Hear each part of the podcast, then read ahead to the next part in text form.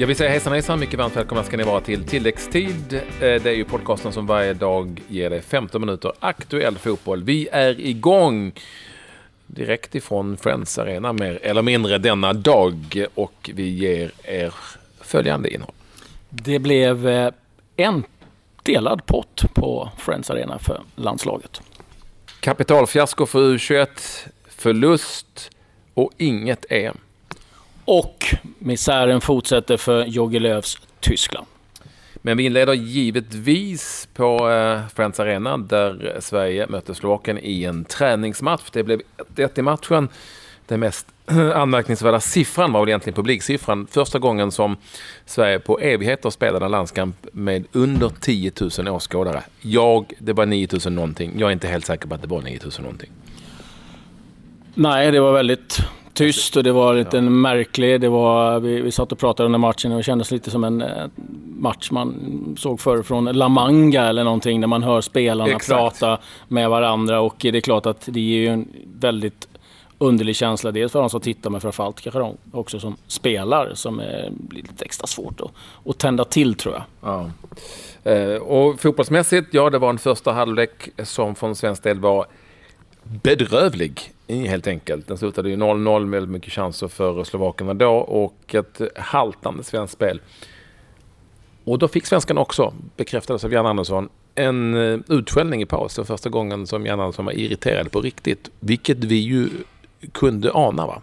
Ja, man såg ju ganska stor skillnad på många spelarna som eh, under matchen. Man, man satt där som ville de inte visa att de ska ha en plats i, i startelvan.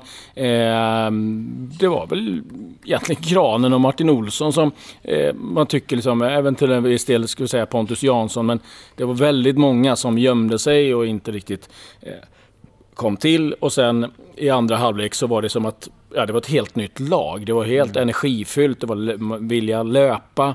Eh, sen gör ju också saker och ting att man kanske kom mer rätt i sitt pressspel eh, och allting föll för lite mer på plats. Men den första halvleken, det kan jag nog säga var nog ett av de sämsta insatserna jag har sett på väldigt, väldigt länge från ett svenskt landslag. Ja, det var den sämsta insatsen under Jan Andersson, det kan man väl konstatera under för den första halvleken. Sen var det blev väldigt mycket bättre i den andra halvleken och vi såg till exempel en spelare som Oskar Hiljemark i någon sorts uh, jätte, alltså Dr Jekyll och Mr Hyde lite grann från första till andra halvlek och var väldigt bra. Målet gjordes då av John Guidetti efter ett fint anfall som han prickade in sitt första landslagsmål på två år.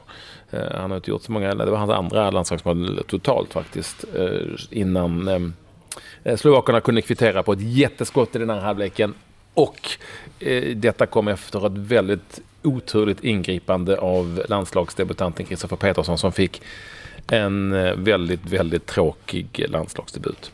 Ja, eh, ett eh, bolltapp givetvis som resulterar i mål. Eh, däremot oerhört starkt att komma ut och inte skylla från sig på någonting, inte skylla på ehm, ja, dålig gräsmatta eller att någon av backarna kring något. Han tog, han tog den smällen och det är klart att det var liksom en oerhört besviken Kristoffer Petersson. Men starkt att gå ut och fejsa och inte skylla ifrån sig. Så att, förhoppningsvis så är det någonting han går starkt ur och det om ja, ett halvåring som kommer komma ihåg det här, tror jag.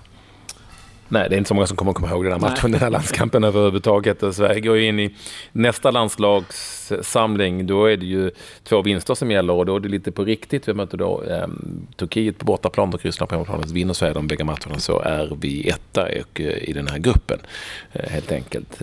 Så eh, vi får väl helt enkelt se fram emot den samlingen. Vi ska också säga det att vi har ju varit igång och gjort väldigt mycket intervjuer. Eh, intressant tyckte jag det var att höra Jan Andersson på presskonferensen och den har vi eh, fixat så att eh, ni kan ta del av den liksom intervjuer med väldigt många spelare som har gjorts av oss flygande reportrar på fältet och de hittar ni när ni hittar tilläggstid. Eller hur? Ja, precis. Och eh, ja, men avslutningsvis tycker jag man kan säga liksom Granen, Eh, Martin Olsson var de som var bra. Jag tycker att Kristoffer Olsson utmärkte sig ganska bra i den andra halvleken. Där han också var involverad i målet. Det är väl de spelarna med det stora utropstecknet efter den andra. Och Hiljemarks andra halvlek.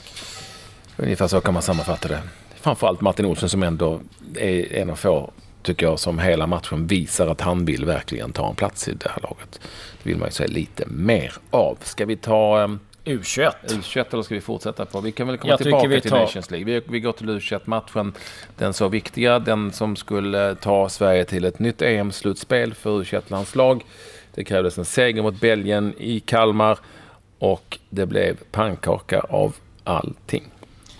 3-0 skrevs siffrorna till till slut och eh, framförallt så var det ju så att det fanns dock fortfarande en chans till ett playoff.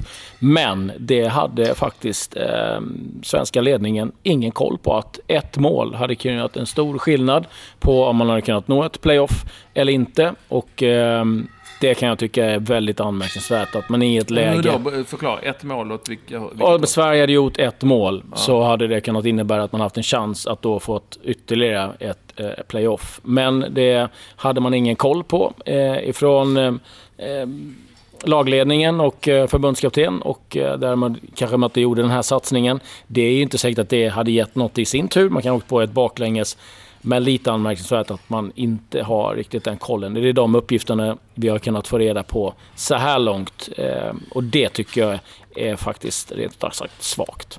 Bortsett från det så var ju Sverige överkört i den här matchen. Det hade egentligen inte något riktigt vettigt anfallsspel. Åkte på två stycken, eh, nej, först var det ju en frispark eh, som väldigt snyggt nickades in för 1-0 till Belgien. Sen var det en kontring där Sverige gick bort sig direkt efter 2-0 målet. Det blev Isak Sesevan Kambo utvisad, direkt rött kort efter en väldigt hård satsning. Sen eh, kan debatteras i evighet om det där var direkt rött kort eller inte. Men det var en väldigt, väldigt, väldigt, väldigt riskabel satsning som han gjorde mitt på planen. Eh, och eh, där ska vi också säga att eh, domaren var ju inte superbra. Det var inte alltid det u sammanhang utan han tappade nog en frispark som Sverige skulle haft. Vid 2-0 målet. Vid 2-0 målet, men skitsamma. Det blev 3-0 med en man mindre i den andra halvleken och Sverige var aldrig, aldrig, aldrig nära någonting egentligen i det mötet. Och avslutade alltså kvalet med två stycken förluster på hemmaplan mot Turkiet. Ja, eh, väldigt trist att man missar det här eh, EM-slutspelet. Vi vet ju liksom att det är väldigt bra möjlighet för spelarna att få testa på eh, tufft spel, att mäta sig. Det är en bra utbildning, men eh, ja, det gick inte den här gången och eh, det är helt enkelt bara att ta nya tag för U21-landslaget. Eh, ja, men vi går väl tillbaka till eh, eh, Eh, Nations League och eh, dra lite resultat därifrån. Och vi måste ju någonstans givetvis börja då med matchen Frankrike-Tyskland. Det blev seger för Frankrike med 2-1. Griezmann vi gjorde två mål. Han eh, Eh, det såg till först att kvittera efter att Tony Kroos gett Tyskland ledningen. Men eh, sen var det Griezmann och eh, Jogi Löw. Ja, han lär nog känna att det blåser ganska snålt kring hans framtid som förbundskapten i Tyskland nu.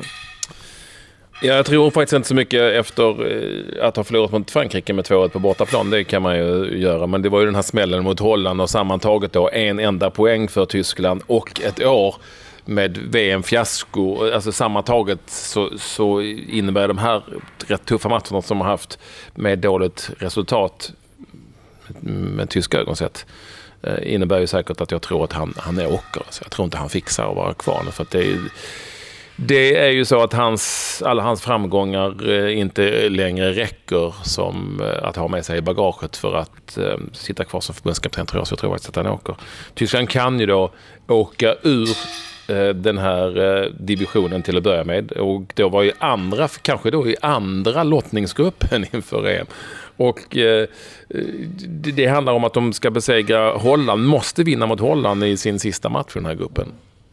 För att, för att, och det kan de kanske göra. Men... Ja, det är väl ingen omöjligt. Men alltså, det stora problemet är ju liksom att det Tyskland har stått för. Alla har fått gett dem beröm. Det är att de har liksom, eh, de gjorde om. De har liksom varit eh, det laget i framkant. Nu är det de. Och han åker på den kritiken som många förbundskaptener får. Att han har hållit fast vid sina gamla trotjänare.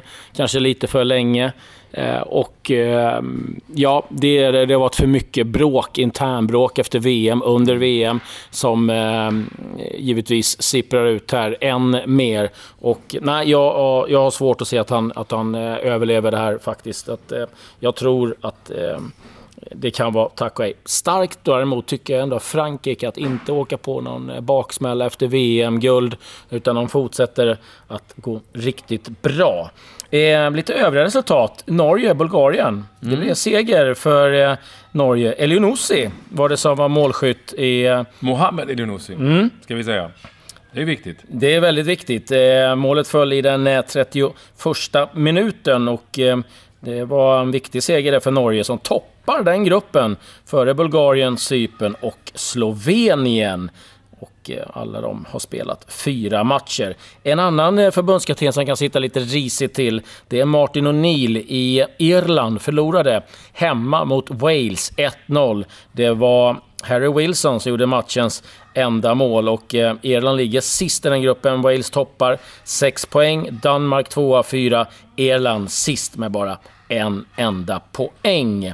Och Gibraltar. Vilket gäng! Ja, det är mina killar nu. Eh, det är eh, så att Gibraltar ju vann sin första tävlingsmatch eh, någonsin för eh, i, i, senaste mötet då som man vann. Men man, man besegrade då Azerbajdzjan va? Var det inte Armenien. Armenien var det ja. Eh, och eh, det, man trodde ju ändå att de skulle åka på lite baksmälla. Framförallt när de mötte Liechtenstein som de mötte igår som ändå är ett helt okej okay lag.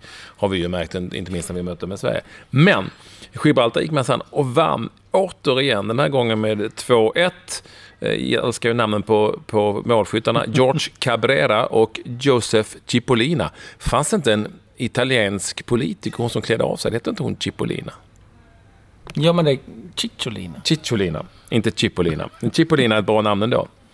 Eh, ja, det, det, det, det är ett väldigt bra namn. Eh, det är det ju. Och, eh, nej men Gibraltar, det här är, så, det här är ju galet egentligen.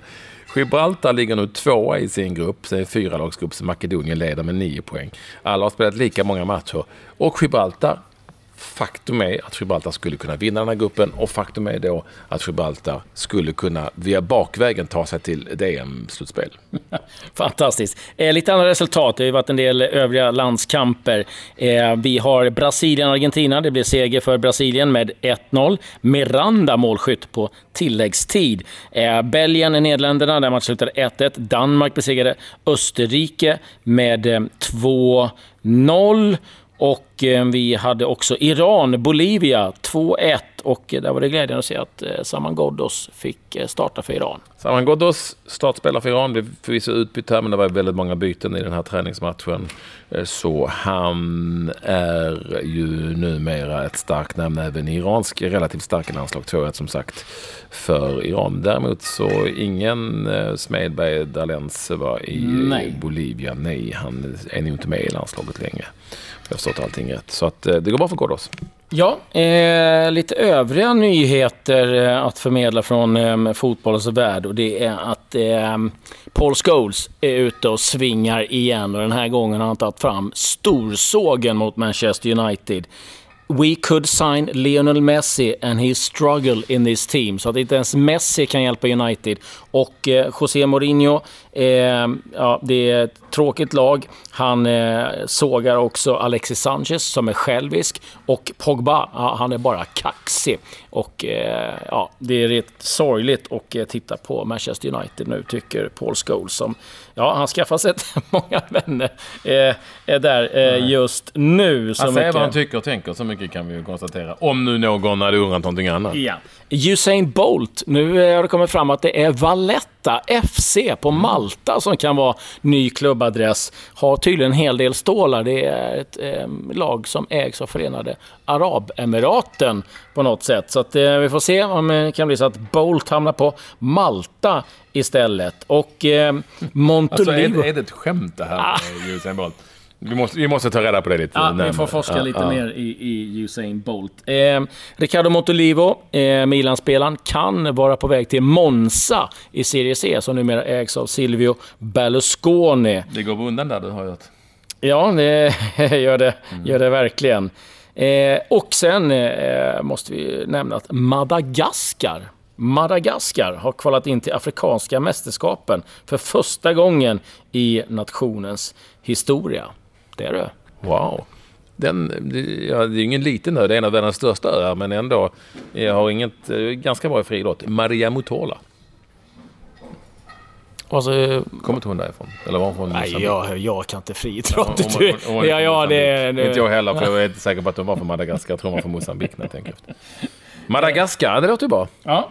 Eh, det var väl vad jag hade att eh, bjuda på. En ehm, afton där man kanske tar med sig fiaskot, får vi ändå säga, för u landslaget som det blev till slut. Och den riktigt dåliga publiksiffran på Friends. Ja, Eh, det är väl det eh, som vi ehm, får med oss eh, ifrån denna dagen och vi får också med oss väldigt många intervjuer som jag tycker är intressanta, flera av dem. Så lyssna på dem där tilläggstid finns och så hörs vi som vanligt igen imorgon när vi ser fram emot helgens ligaspel. Adjö, adjö.